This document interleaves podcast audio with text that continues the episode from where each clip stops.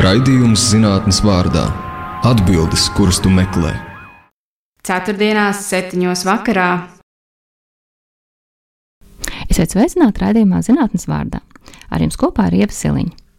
Ķīmiķis Ingus Pērkons ir pārtiks drošības, dzīvnieku veselības un vides zinātniskā institūta biora pētnieks, kurš pēta plašu diapazonu ķīmiskos piesārņotājus pārtikā un apkārtējā vidē.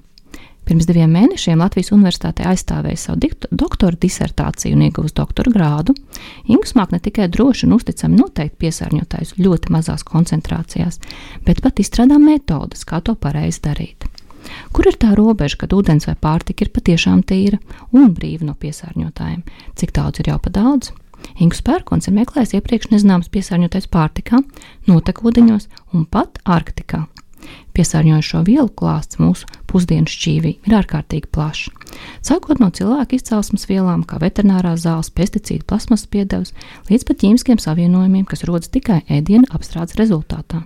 Savukārt pērkons pētījumi par farmaceitisko vielu klātesamību notekūdeņos šobrīd attīstījušies tik tālu, ka iespējams raksturot medikamentu un narkotisko vielu patēriņa tendences sabiedrībā. Šodienas saruna būs par ķīmiskām vielām kuru klātbūtni mēs bieži neapzināmies, bet kas var iespējot mūsu un vidu mums apkārt. Tātad raidījuma zinātnes vārdā viesi šodien ir ķīmiķis Ingus Pērkons. Labdien! Labdien! Ingu, kā tu nonāci līdz šai pētniecības tēmai? Nu, līdz pētniecības tēmai es nonācu pateicoties savai nu, patreizējai darbvietai, kas ir Institūts Biora. Jo, nu, kā jau nosaukums ietver, tiek pētītas apkārtējās vidas paraugi un pārtikas produkti. Un, saprotams, man kā tādam jaunam gurķim, pirms sešiem gadiem nonākot institūta kolektīvā, nu, vajadzēja kaut ko sākt darīt. Protams, kad eh, sākotnējais darbs ir rutīnas analīzes, kas ir veikta teiksim, šo monitoringa funkciju. Un tad uh, interese radās ar vien lielāku, un arī ļoti patika strādāt ar tiem aparātiem, ar kuriem to visu veicam, tie saucamie masu spektrometri, kas ir tas. Uh, nu, dārgas un ļoti jutīgas iekārtas, ar kurām var teiksim, mazmolekulāru organisku vielu šos pirkstu nospiedumus ne tikai ieraudzīt, bet arī jau kvantitatīvi pateikt, nu, cik daudz konkrētās vielas atrodam paraugā. Un tā nu, tie gadi nāca un pētījuma tēmas. Krāsas kaudzē, un tā viņas arī cirkulēja no nodaļas uz nodaļu. Vienā nodaļā bija varbūt vairāk fokus tieši uz pārtiks produktiem, tad bija cita nodaļa, kurā fokus ir tieši uz apkārtējās vidas analīzēm, un to visu saliekot kopā tādā nu, skaistā blāķī, tad ir izveidojušies jau nu, tādi divi virzieni, kuros eh, tālāk mana pētnieciskā karjera attīstās, kad eh, ar vienu kāju esmu iekšā eh, mūsu pusdienu šķīvī, ar otru kāju, dažkārt esmu notekūdeņos vai dažkārt pat Arktikas kaut kādos ledāju paraugos. Kā ir meklēt kaut ko, nezinot, kas tieši ir jāmeklē šīs mazās, mazās vielas? Nu, teiksim, tā ir tāda samērā nesena tēma arī nu, teiksim, šajā pētniecības nozarē, kurā es darbojos, un arī globālā līmenī. Jo, ja standarta analīzes eh, tiek veiktas tā, ka mums ir kaut kāds references savienojums, eh, mēs, piemēram, zinām, mums ir piesārņotājs X, kas eh, mēs zinām, ka viņš ir bīstams, mēs iegādājamies viņa nelielu daudzumu viņu tad mēs viņu analizējam, saprotam, vai mums strādā vai nestrādā metode, un tālāk mēs šo metodu uzlabojam, tā lai mēs šo piesārņotāju X varētu ieraudzīt arī kaut kādos nu, mūsu izvēlētajos vai nu pārtiks produktos vai apkārtējās vidas paraugos. Par uh, nezināmu savienojumu noķeršanu tur jau ir mazliet uh, sarežģītāk. Nu, tā ir tāda mm, saudabīga profilēšana, kurā tiek iegūti šie saucamie masas spektri, tad uh, es kā zinātnieks, kā operators cenšos viņus interpretēt, ieraudzīt, kādi pirkstu nospiedumi tur ir saskatāmi, un tad lieku šo informāciju kopā ar to, ka, nu, ko citi pētnieki apkārtējā pasaulē ir ieraudzījuši, un mēģinot saliekot visu šo informāciju tādā, nu, teiksim, tos puzles gabaliņus kopā, nu, tad var mēģināt paredzēt, vai tur ir ieraugāms kaut kas, ko varbūt kāds cits ir palaidis garām, vai arī kaut kas, kam tur nevajadzētu būt, un ko ikdienā mēs tur parasti nesastopam.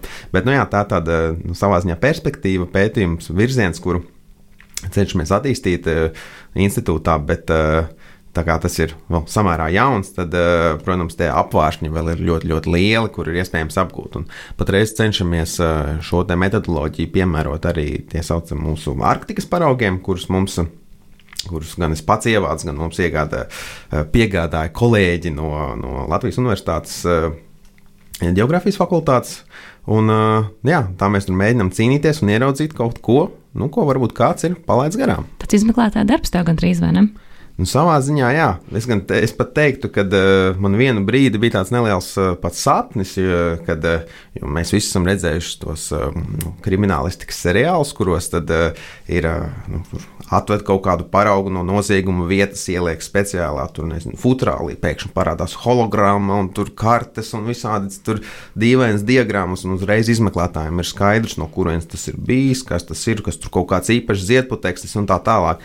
Un, uh, man varbūt arī pirms es sāku strādāt ar eh, šiem instrumentiem, bija tāds eh, nu, varbūt stereotips, ka tā tik tiešām ir. Nu, Realtātē tas ir daudz dienu mokošs darbs eh, gan laboratorijā, gan arī pie datora, lai to vienu teiksim, paraugu interpretētu pareizi. Un tas, protams, tik ātri nenotiek, bet nu, savā ziņā jā, tāda analoģija varētu vilkt, ka tas ir tāds teiksim, pārtikas vai apkārtējās vidas izmeklētājs. Klā, kā šis izmeklētājs nonāca Arktikā? Izmeklētājs Arktikā nonāca pavisam nejauši. Man šādu iespēju vienu dienu ienāca mans priekšnieks kabinetā un, un, un teica, ka varētu. Inga laiks doties pie Ziemeļvalsts. Jā, tieši tā arī bija. Gan drīz vai kad teica, ka nu, tur plānojās kaut kāda ekspedīcija, un mēs varētu tur sadarboties, atvest interesantus paraugus, vai tu būtu interesēts, kad būtu jauki, ja kāds nu, piedalītos arī, jā, palīdzētu. Un, un es piekritu. Es tajā brīdī, protams, vispār nesapratu, ka, uz ko es parakstos. Un, man varbūt eh, sākumā pasakot to jā vārdu šai avantūrai, eh, nebija skaidrs galīgi, un tad eh, satiekot pārējos ekspedīcijas dalībniekus, es reāli sapratu, kādā purvā es esmu nonācis, jo, protams, kad ne man fiziskā sagatavotība ir tāda, lai staigātu pa ledājiem, nedz arī varbūt mentālā nobrieduma pakāpe, bet, nu, par laimi tas bija mm, gandrīz vai pusgadu pirms ekspedīcijas, un bija iespēja sagatavoties, un gal galā es teiktu, ka ekspedīcija bija ļoti sekmīga. Varbūt ne tik ļoti sekmīgs ir tas, kas norisinās pašreiz, jo laboratorijā jāveic nu, diezgan daudz analīzes, lai atšķirtinātu šīs mīklas, kuras mēs uz ledājiem esam ieraudzījuši. Un, ja man teiksim, šis mans iekšējais limits, kad es gribēju šo pētījumu publicēt, jau tuvojās tam noslēgumam, tad pagaidām vēl līdz galam visi darbi arī nav pabeigti. Tā kā varbūt ir tāda nepadarīta darba sajūta arī pret ekspedīciju, bet nu, man ir arī tāda pozitīva skatu nākotnē, esmu, kad man ir cerība, ka varbūt līdz šī gada beigām nu, pirmie darba augļi tiks arī beidzot publicēti. Vai tu atradi kādus ķīmiskos piesārņotājus Arktikā? Jautājums jau tāds laikam retorisks, tas ir, jo, protams, ka tie piesārņotāji tur ir, piesārņotāji ir visi, visur. Un uh, tie piesārņotāji, kurus mēs tieši tur meklējam, ir tie saucamie noturīgie organiskie piesārņotāji, kas uh, ir tādas uh, mazas organiskas vielas, kuras apkārtējā vidē nu, galīgi negrib sadalīties. Tas nozīmē, ka, ja mēs šo organisko vielu teiksim, izbaram mūsu gaujā, tad mēs kaut kā īpaši iezam, iezīmētu viņu, tad uh, pēc 20, 30 gadiem mēs viņu varētu atrast uh, kontinentu otrā pusē, ja, kaut kur ar ūdeņiem nonākuši, un viņa nebūtu sadalījusies. Un šīs vielas, protams, var ar atmosfērā esošajām daļiņām arī migrēt uh, ja, pāri kontinentiem, nonākt Arktikā un tālāk jau nokrišņu rezultātā nonākt uz šos ledāju virsmas vai arī tundrā. Un, jā, tas mūsu mērķis ir ieraudzīt, nu, kādas klases mēs varam sastīt un kādi ir tie pirkstu nospiedumi, jo atsevišķām šo noturīgo organisko piesārņotāju klasēm piemīt tādi teiksim, īpaši profili, ja, ka tur ir vienā klasē teiksim, tūkstots dažādu savienojumu un atkarībā no tā, kurā kontinentā tas ir ražots, kā, vai no kāda ir bijusi tā izcelsme, tie mazie teiksim, pirkstu nospiedumi klases ietveros ir atšķirīgi. Un tad to aplūkot uz ledāja, ledāja ir iespējams paredzēt no kurienes tad šis piesārņojums ir atceļojis. Ja tas ir pat ledājos, tad saki, kur vispār ir robeža, kad mēs varam ūdeni vai ko citu saukt par tīru? Nu, tīrs, eh, laikam tas ir eh, varbūt tāds sociāls konstrukts, nezinu, kas ir tīrs. Eh, noteikti tāda robeža līnija nav iespējams novilkt. Mums likumdošanā bez šaubām ir vadlīnijas, kas nosaka to, cik daudz kaut kādu konkrētu piesārņotāju drīkst būt kaut tā pašā dzeramajā ūdenī, vai arī apkārtējās vidas virsmas ūdeņos, bet nu, absolūti tīrs nekas nav, jo apkārtējā vidē vai jebkur. Mēs visi esam ķīmiski maisījumi, arī es, arī tu. Un, uh, tāda absolūta tīrība varbūt ir iespējama kaut kādā specifiskā laboratorijā, kur tiešām pēta no absolūti, absolūti tīras vielas. Bet uh, realitātē mēs runājam par kaut kādu vielu koncentrācijas diapazonu, un noteikti ir kaut kāda robežvērtība, kurā mēs sakam, ka jā, šis ķīmiskais savienojums paraugā ir pārāk daudz, un uh, mēs varam uzskatīt, ka šis paraugs nav vairs tīrs. Bet jā, tā tāda izplūdes līnija, kas, kas ir tīrs un kas nav tīrs, bez šaubām. Patiesībā šī līnija var arī mainīties laika gaitā, vai ne? Bez šaubām, jo pētījumi notiek eh, ne tikai lai ieraudzītu šos piesārņotājus, bet arī lai pateiktu, cik ļoti konkrētais piesārņotājs ir vai nu bīstams, vai arī tieši otrādi varbūt tas arī nav bīstams. Un atkarībā no šiem toksikoloģijas pētījumiem tiek iegūti dažādi secinājumi par to, kas ietekmē tālāko likumdošanu. Un, protams, ka tie arī ir slīdoši atkarībā no pieejamajām tehnoloģijām. Mēs uh, ņemam viņus vērā, ja, un tālāk tiek veikts kaut kādas izmaiņas. Varbūt tā, ka pirms desmit gadiem mums ir viens līmenis, kurā mēs skatāmies kaut kādu vielu X, un nāk jauni dati, jauni pētījumi, un tiek atklāts, ka šī viela patiesībā ir desmit reizes bīstamāka. Ja, un tajā rezultātā šīs vielas, teiksim, šis te tīrības līmenis tiek stipri samazināts, un analītiskajiem ķīmiķiem atkal jāmeklē daudz jaudīgākas metodes, lai varētu nodrošināt patērētājiem nu, teiksim, šo te produktu tīrību.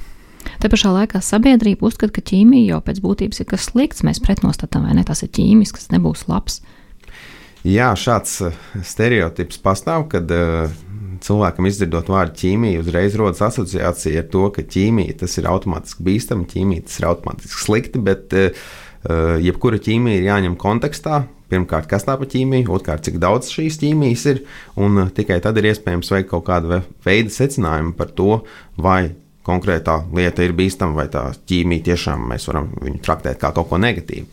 Bet uh, kaut kad nesen, man liekas, sociālos portālos arī lasīju, bija uh, izvērta diskusija, man liekas, par kādu lūpu balzāmu saturu, par to, cik daudz tur ir ķīmija, bet uh, protams, no vienas puses var teikt, ka varbūt šis ķīmijas tur ir par daudz, un šos, šo komponenti nevienmēr ir simtprocentīgi pierādīta šo komponentu drošība, bet tajā pašā laikā jāatcerās, ka eh, balstoties uz patreizējiem pierādījumiem, teiksim, tur atrodamās eh, ķimikālijas ir atzīstams par drošām, un patērētājs viņus var arī bez sirdsapziņas pārmetumiem lietot.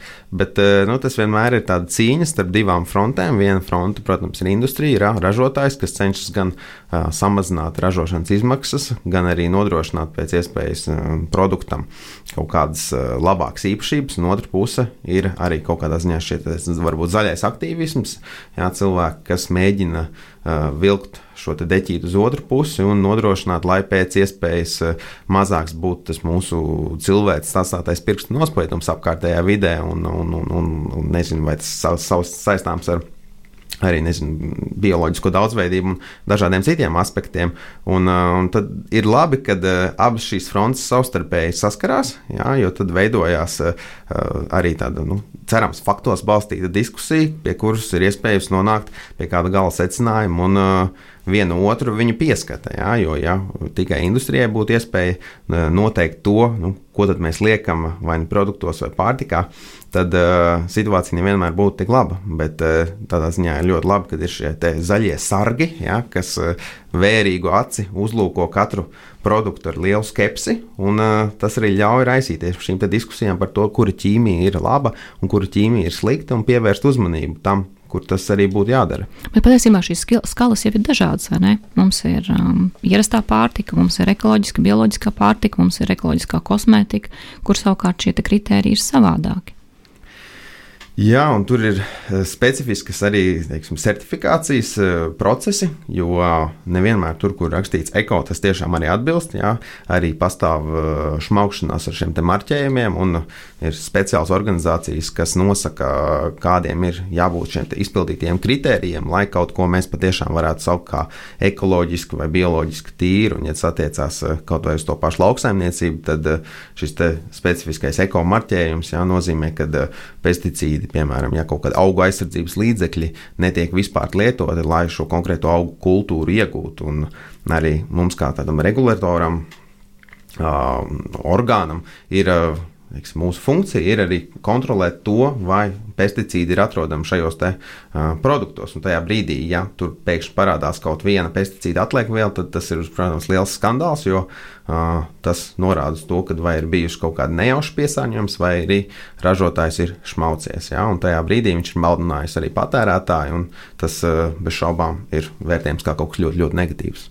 Šis ir raidījums zinātnes vārdā. Ar jums kopā ir Ieva Siliņa. Viesos mums šodien ir ķīmiķis Ingus Pērkons. Iepriekš runājām par labo un slikto ķīmiju. Tagad gribētos vairāk pieskarties piesārņotājiem notekūdeņos. Ingus stāsti, ko ir iespējams noteikt pētot notekūdeņus. Man gribētos būt ļoti lielam optimistam un teikt, ka eh, iespējams noteikt gandrīz visu. Jo notekūdeņi savā ziņā ir tādi kā bioloģiskie lielie dati. Jā, ļoti moderns termins.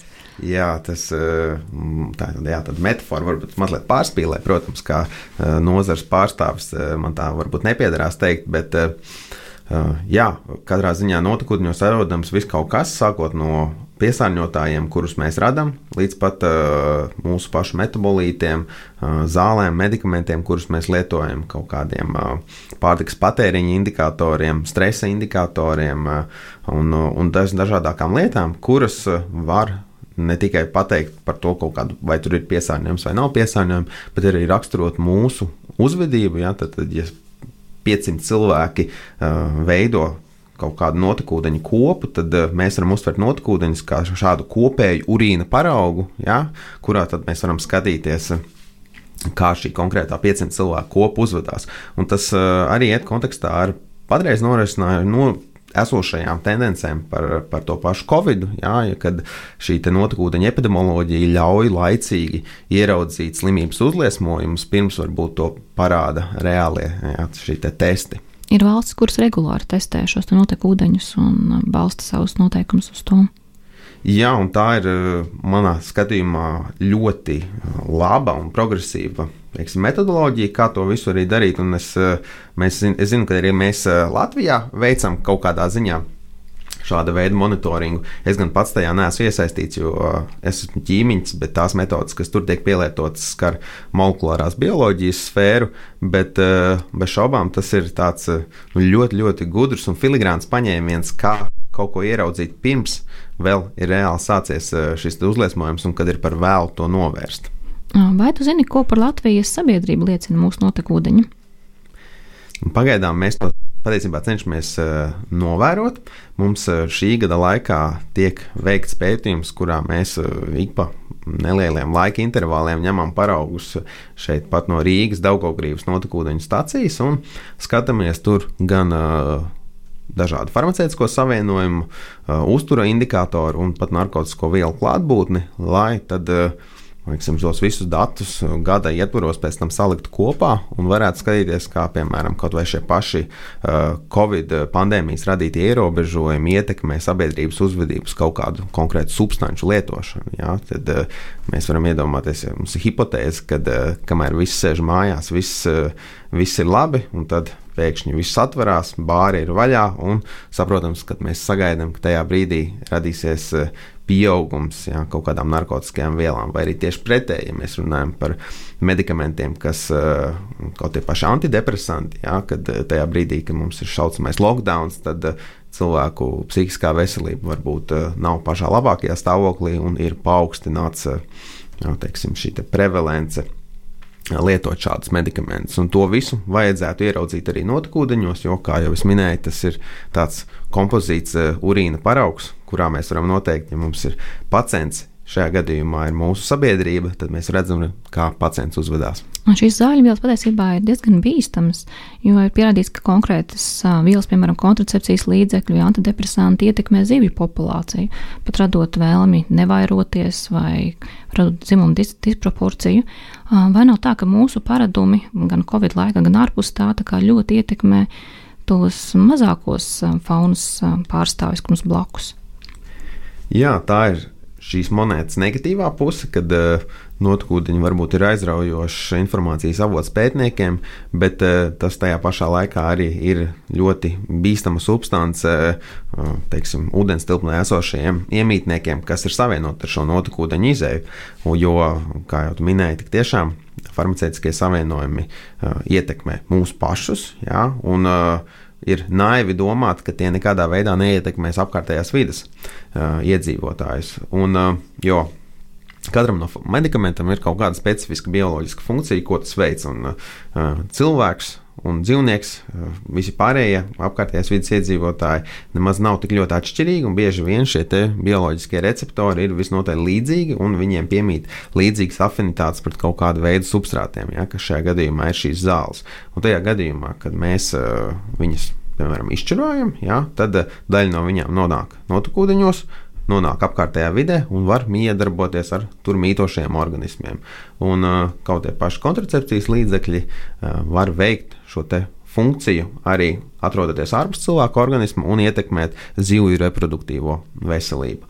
Un, tāds ļoti spilgts piemērs ir 2000. gadu sākumā veikts pētījums, kas septiņu gadu ilgā laikā konkrētā ūdens tilpnē uzturēja pavisam niecīgu, niecīgu koncentrāciju viena no kontracepcijas līdzekļiem, Un septiņu gadu laikā šajā ezerā pilnībā iznīcināja tur esošo zivju populāciju. Ja? Zivis feminizējās pakāpeniski no paudzes uz paudzes, pieauga mātīšu proporcija līdz vairs uh, kaut kādas populācijas reproduktīvā uh, funkcija bija pilnībā izmainīta jau neatgriezniski.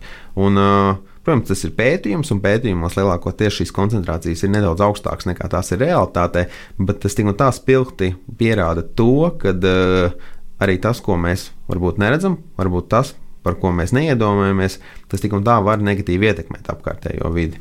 Un notekūdeņos sanāk jau patiesībā tā ir kombinācija no šiem visām lietām.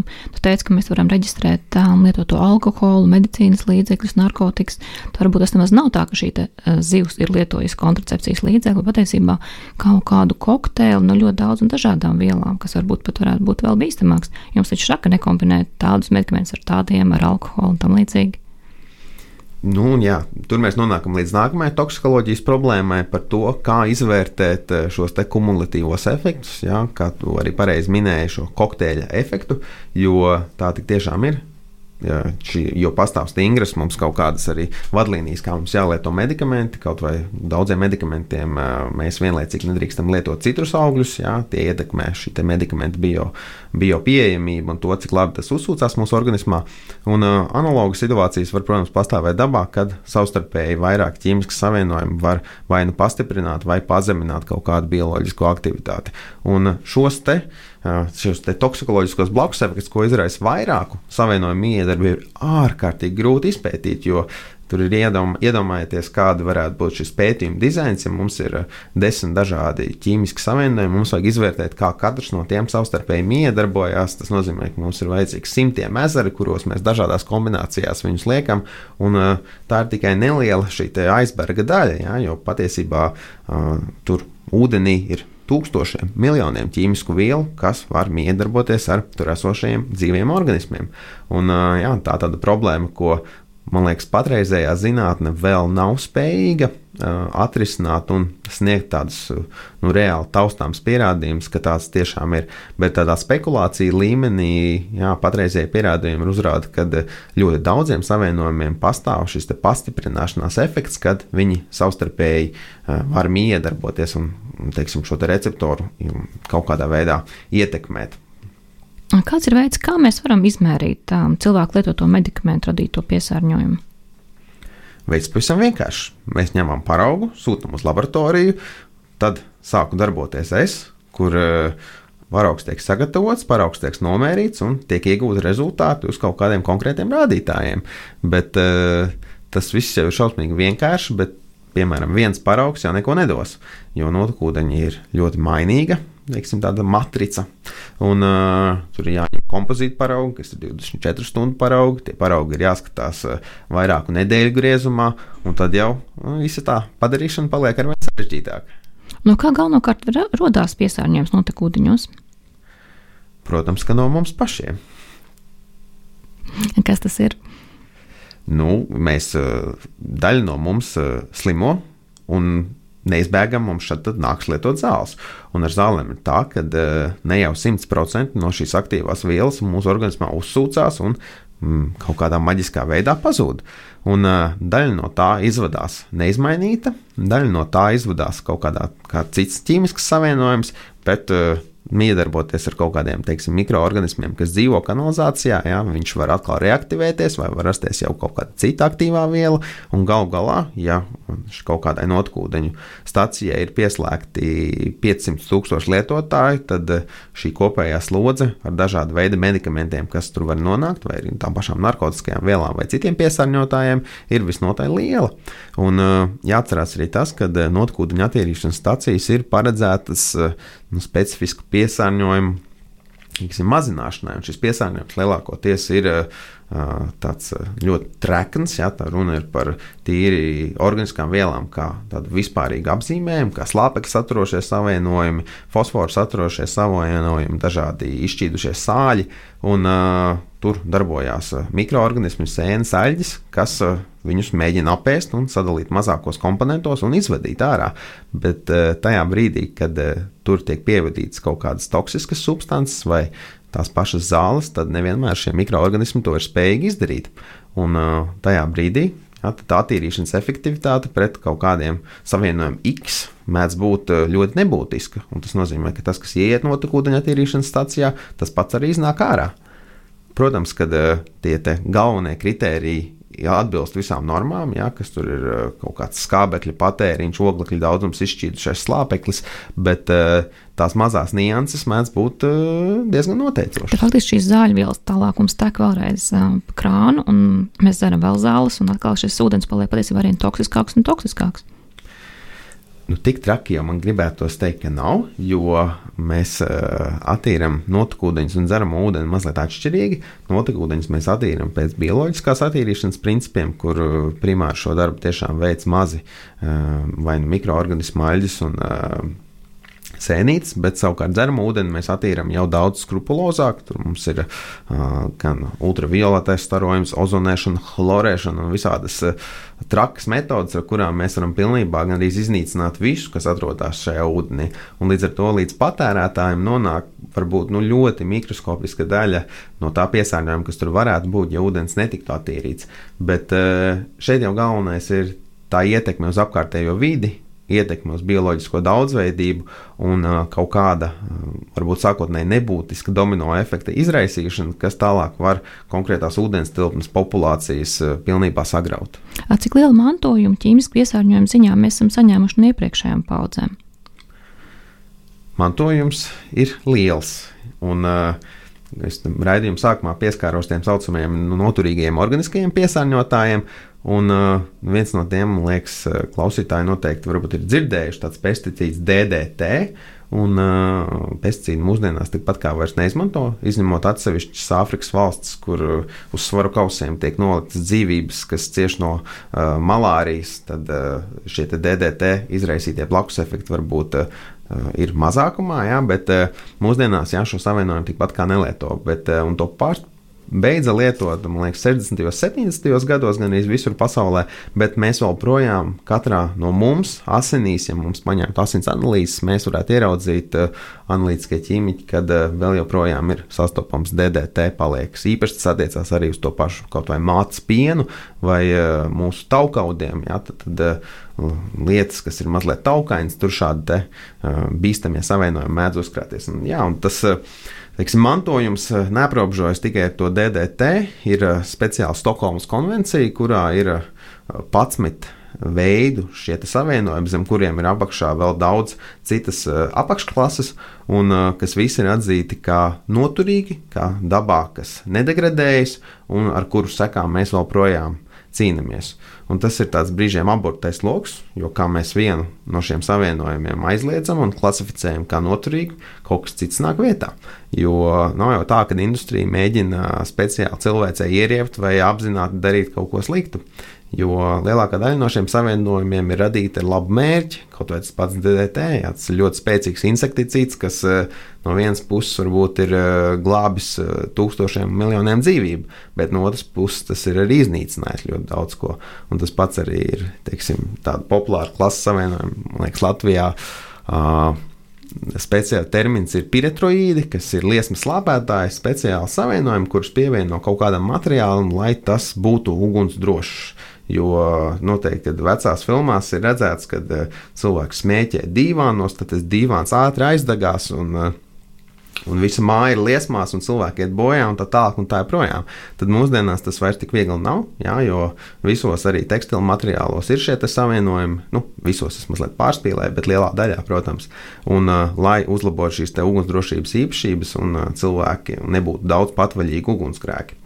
Un, uh, te ir tā, tas, tie atkal tie svara kausi, kad uh, uz vienas puses mēs liekam cilvēku dzīvības, kuras mēs varam izglābt uh, pateicoties šo savienojumu īpašībām, un uz otriem svara kausiem mēs liekam šo kaitējumu gan apkārtējai videi, gan arī ilgtermiņa potenciāls kaut kādas sekas, kuras uh, šie savienojumi radīs mums, jo viņi akumulēsies mūsu taukaudos.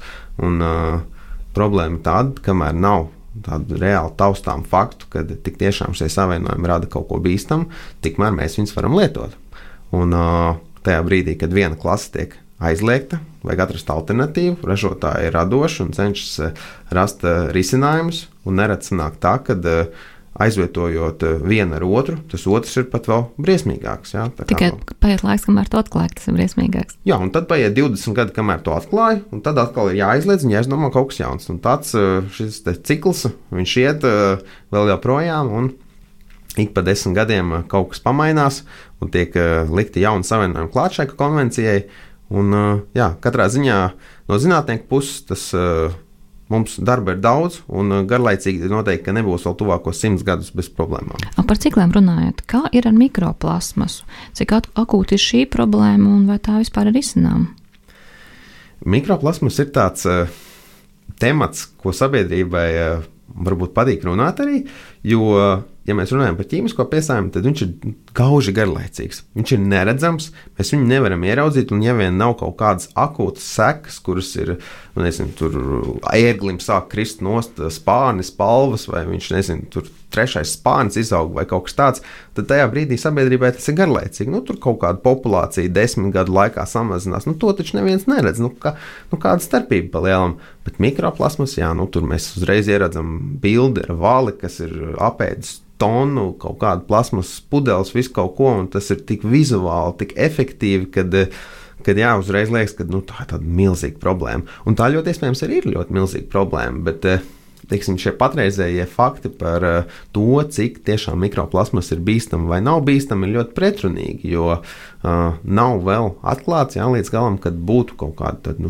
ļoti briesmīga efekta. Bet, protams, ka uh, šis piesārņojums ir vizuāli ieraugāms, jā, lielākoties to arī var mikroskopā paskatīties, to var paskatīties arī uh, jūrmalā aizejot, uh, pafiltrējot smiltis, jā, ieraudzīt, ka tur atrodas uh, saujā mazi plasmas gabaliņi šad un tad.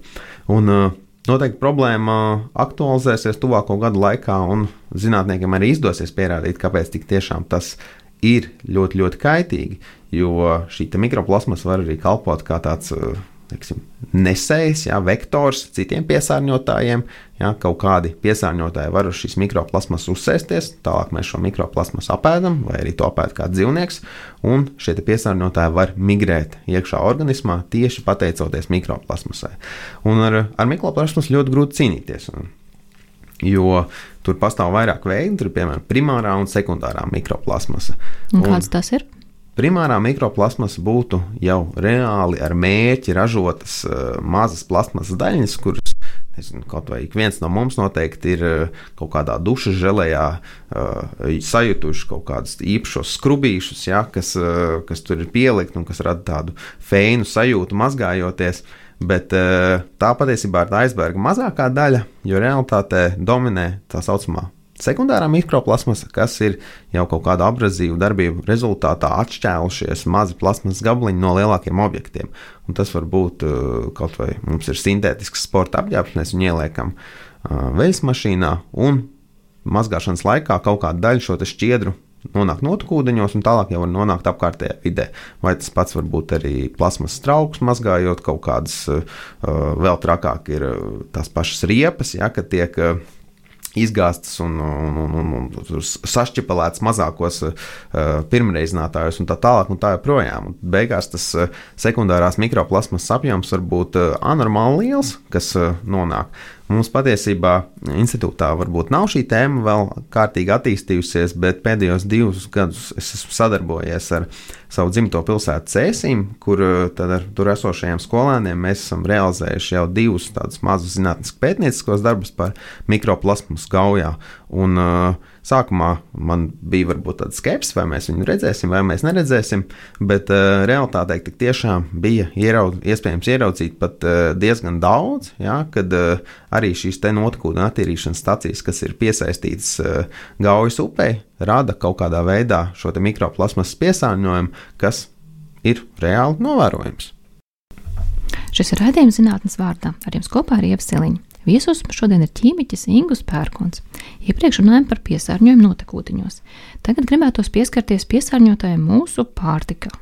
Sāk Ingu, kādi piesārņotāji slēpjas mūsu ikdienā patērētajos pārtikas produktos? Kas tik neslēpjas? Viss atkarīgs no tā, ko mēs ēdam un cik daudz. Un, uh, kurš nē, tas negrēko?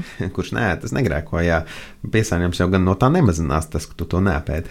Bet uh, Piesārņojums ir ļoti dažāds. Eh, kā jau man liekas, raidījuma sākumā tika minēts, kad eh, mums piesārņojumu mēs varam iedalīt vairākās kategorijās. Viens no tiem ir noteikti antropogēnais piesārņojums, kas ir cilvēka izcelsmes, un tās ir piemēram veterinārie medikamenti, kas ir tikuši izmantoti, lai kādu no šiem lopiņiem audzētu. Tie var būt uh, auga aizsardzības līdzekļi, kas tikuši izmantoti, lai kādu augu kultūru audzētu, un uh, tie var būt arī kaut kādi kontaktmateriālu, migrācijas produkti, ja mums ir plasmas trauciņš, kurā mēs turam uh, kaut kādu uh, taukainu ēdienu, noturam viņu divas, trīs dienas, tad apēdam, un daļa no šī plasmasas uh, kaut kāda materiāla ir patiesībā migrējusi uz mūsu ēdienu. Un, uh, Tad mēs varam runāt par piesārņojumu, kas ir dabīgas izcelsmes, bet tas tik un tā ir piesārņojums, kā piemēram šie mikotoksīni, kas ir pelējuma sēnīšu radīti metabolīti, kuri izrādās ir ļoti kaitīgi cilvēkam. Un uh, nereti, piemēram, rīkstos var būt tāds slēpties riebīgs komponents, saukts par aflatoksīnu, kas ir viens no kancerogēnākajiem savienojumiem uz pasaules. Ja? Un uh, it kā liekas ļoti nevainīgi, ja mēs tur ēdam pistācijas, bet uh, realitātē, ja nav veikta kārtīga kvalitātes kontrole un nodrošināts, ka uh, tur spēlējums nav, tad uh, var būt ļoti liels ziepes un piemēram, ja nemaldos, Turcijā ir vesela laboratorija, kas to vien dara caurām dienām, kā pārbauda viņu um, eksportētās pistācijas, vai viņas satur vai nesatur šos mikotoksīnus. Un tad visbeidzot mums var būt arī piesārņotāji, kas rodas nejauši, ja, kas rodas uh, termiskas apstrādes rezultātā. Man liekas, spilgtākais piemērs Latvijas situācijai ir noteikti šprotes.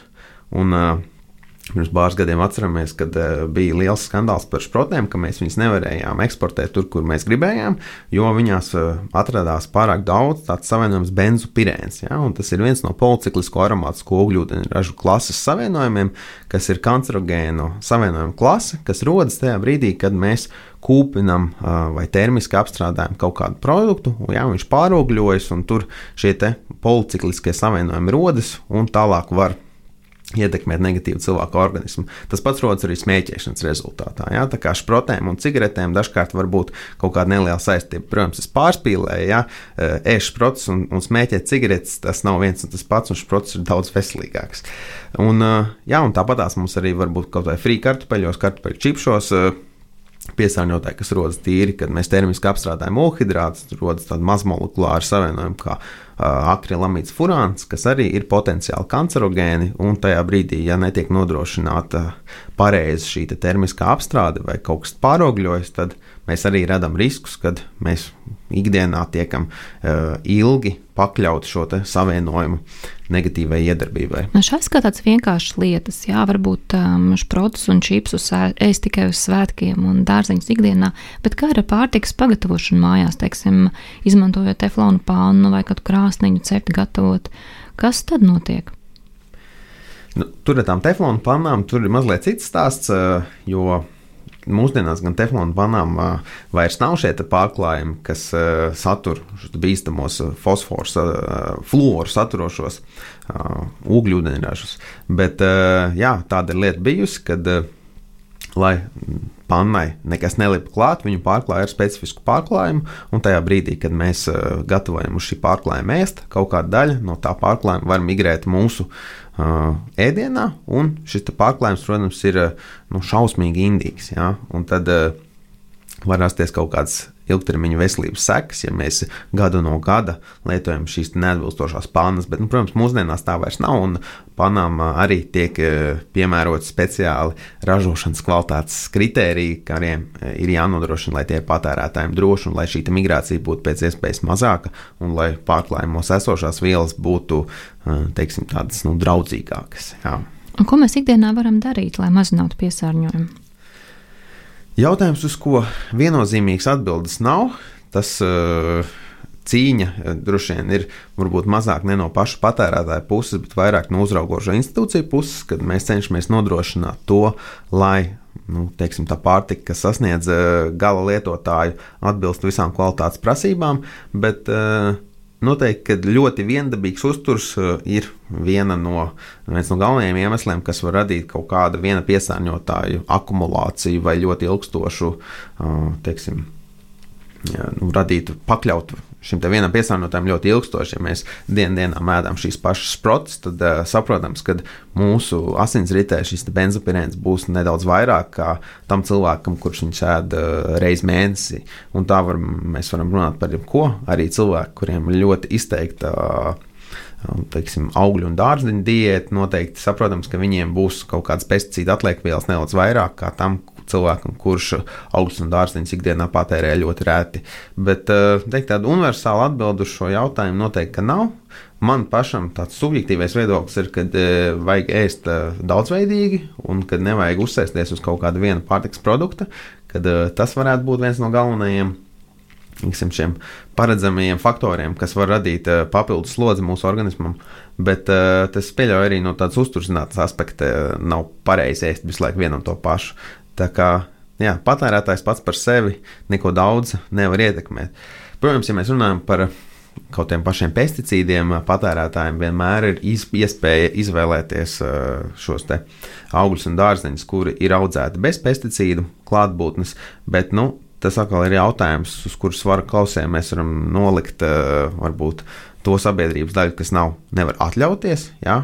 šos te, teiksim, sadārdzinātos augļus un dārziņus iegādāties. Kā, jā, nu, tur var arī izrasties tāda teiksim, piesārņojuma diskriminācija jā, pret atsevišķiem sabiedrības slāņiem. Kā, nu, tas nav tik ļoti viennozīmīgs jautājums, un bez šaubām, kad man gribētos to risināt, varbūt mazāk no sabiedrības puses, bet vairāk tīri no ražotājiem un regulatīviem orgāniem, kas uh, pirmkārt nepieļauj piesārņotāju nonākšanu pārtikā pēc iespējas vairāk, un arī nu, pieskata, lai tur viss, viss ir kā nākas, un, un nenotiek kaut kāda šmaukšanās, un lai patērētājs, jo patērētājs jau savā ziņā ir bieži vien tāds uh, liels muļķītis, ja, jo daudz ko nezina. Un tas ir pilnīgi normāli. Visu nav iespējams zināt. Tas tāpat kā es aizēju pie ārsta.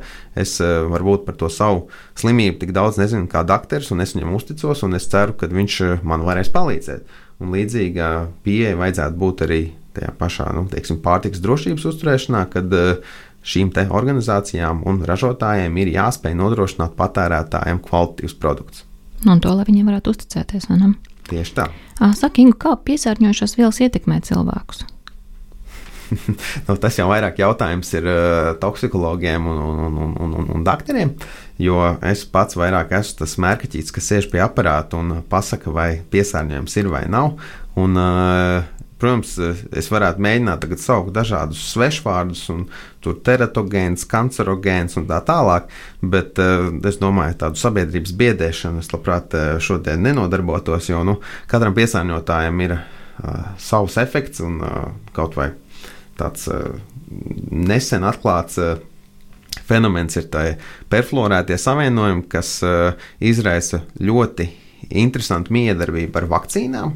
Ja, kad uh, tajā brīdī ja, bērna asinīs ir augstas koncentrācijas šo perfluorēto savienojumu, tad bērnu atbildes uh, viņam neveidojas tik labi šīs uh, atbildes reakcijas pret vakcīnām, un vakcīnas nav vairs tik ļoti efektīvas, kā tās būtu tam subjektam, kuram šie perfluorētie savienojumi ir mazāk. Ja? Tā kā tas ir tāds spilgts piemērs tam, ka uh, bieži vien tie blakus efekti, ko piesārņojumi var radīt, ir ļoti unikāli, par kuriem neviens pirms tam varbūt arī neiedomātos. Jo mēs eh, standartā domājam, nu, viņš tur izraisa, nezinu, mums tur ādas apsārtumu, vai onkoloģiskas uh, saslimšanas, vai kaut kādas čūlas infekcijas un tā tālāk. Bet uh, bieži vien šīs miedarbības var būt ļoti neredzamas un, un stiepties ļoti, ļoti tālu. Ja? Kaut kā, kā piemēram šajā gadījumā, kad viens ķīmisks savienojums samazina vakcīnas efektivitāti. Vai ne? Un viņi vēl iet komplektā un veido šo kokteili, kas nozīmē, kas var ietekmēt vēl savādāk. Nu, jā, tā kā nu, katram no mums, protams, pienākums ir eh, censties eh, jā, mūsu vidi un mūsu pašus eh, padarīt pēc iespējas tīrākus un samazināt šo antropogēno slodzi ar dažādām ķimikālijām. Bez šaubām. Ingu, kā tev liekas, ko mēs varam gaidīt nākotnē? Būs labāk, būs, būs vairāk šo piesārņojumu, mazāk, savādāk. Es neesmu gaišreģis, bet uh, bet esmu skeptiķis. Man liekas, ka uh, baigi labāk nepaliks. Protams, ka uh, tiek veiktas ar vien lielāks apjoms dažādu preventīvu darbību, kas uh, neļauj uh, dažādām sliktām vielām nonākt uh, pie mums. Bet uh, tāpatās arī attīstās uh, gan materiāla zinātne, gan dažādas nu, citas uh, zinātnes nozares, kas rada, un cilvēks arī ir izslāpis pēc jaunām tehnoloģijām, pēc jauniem risinājumiem, un, un kaut kādā veidā tas cilvēks progress ļoti daudziem laikam grib tiekties uz augšu, un neizbēgami mēs uh, pastarpināt radīsim. Nu, kaut kādu bojājumu apkārtējai vidē mums pašiem. Protams, cits jautājums ir to, cik nu, cik ļoti mēs to visu menedžēsim un spēsim uh, atrast uh, uz šiem svara kausiem, uh, sabalansēt ja, šo te, vēlmi pēc progresa un paralēli nodrošināt, lai tas progress arī drošs un ilgspējīgs. Bet es nebūtu pārāk optimistisks par to, ka kad es paliktu bez darba, teiksim, pēc 50 gadiem, un ka piesārņotāji vairs nebūs, un viss būs tik droši, un viss būs uh, ideāli. Es domāju, ka šo vienu uh, čūskas galvu nocirtīs, tā divas nāks vietā un būs arī citi darbi.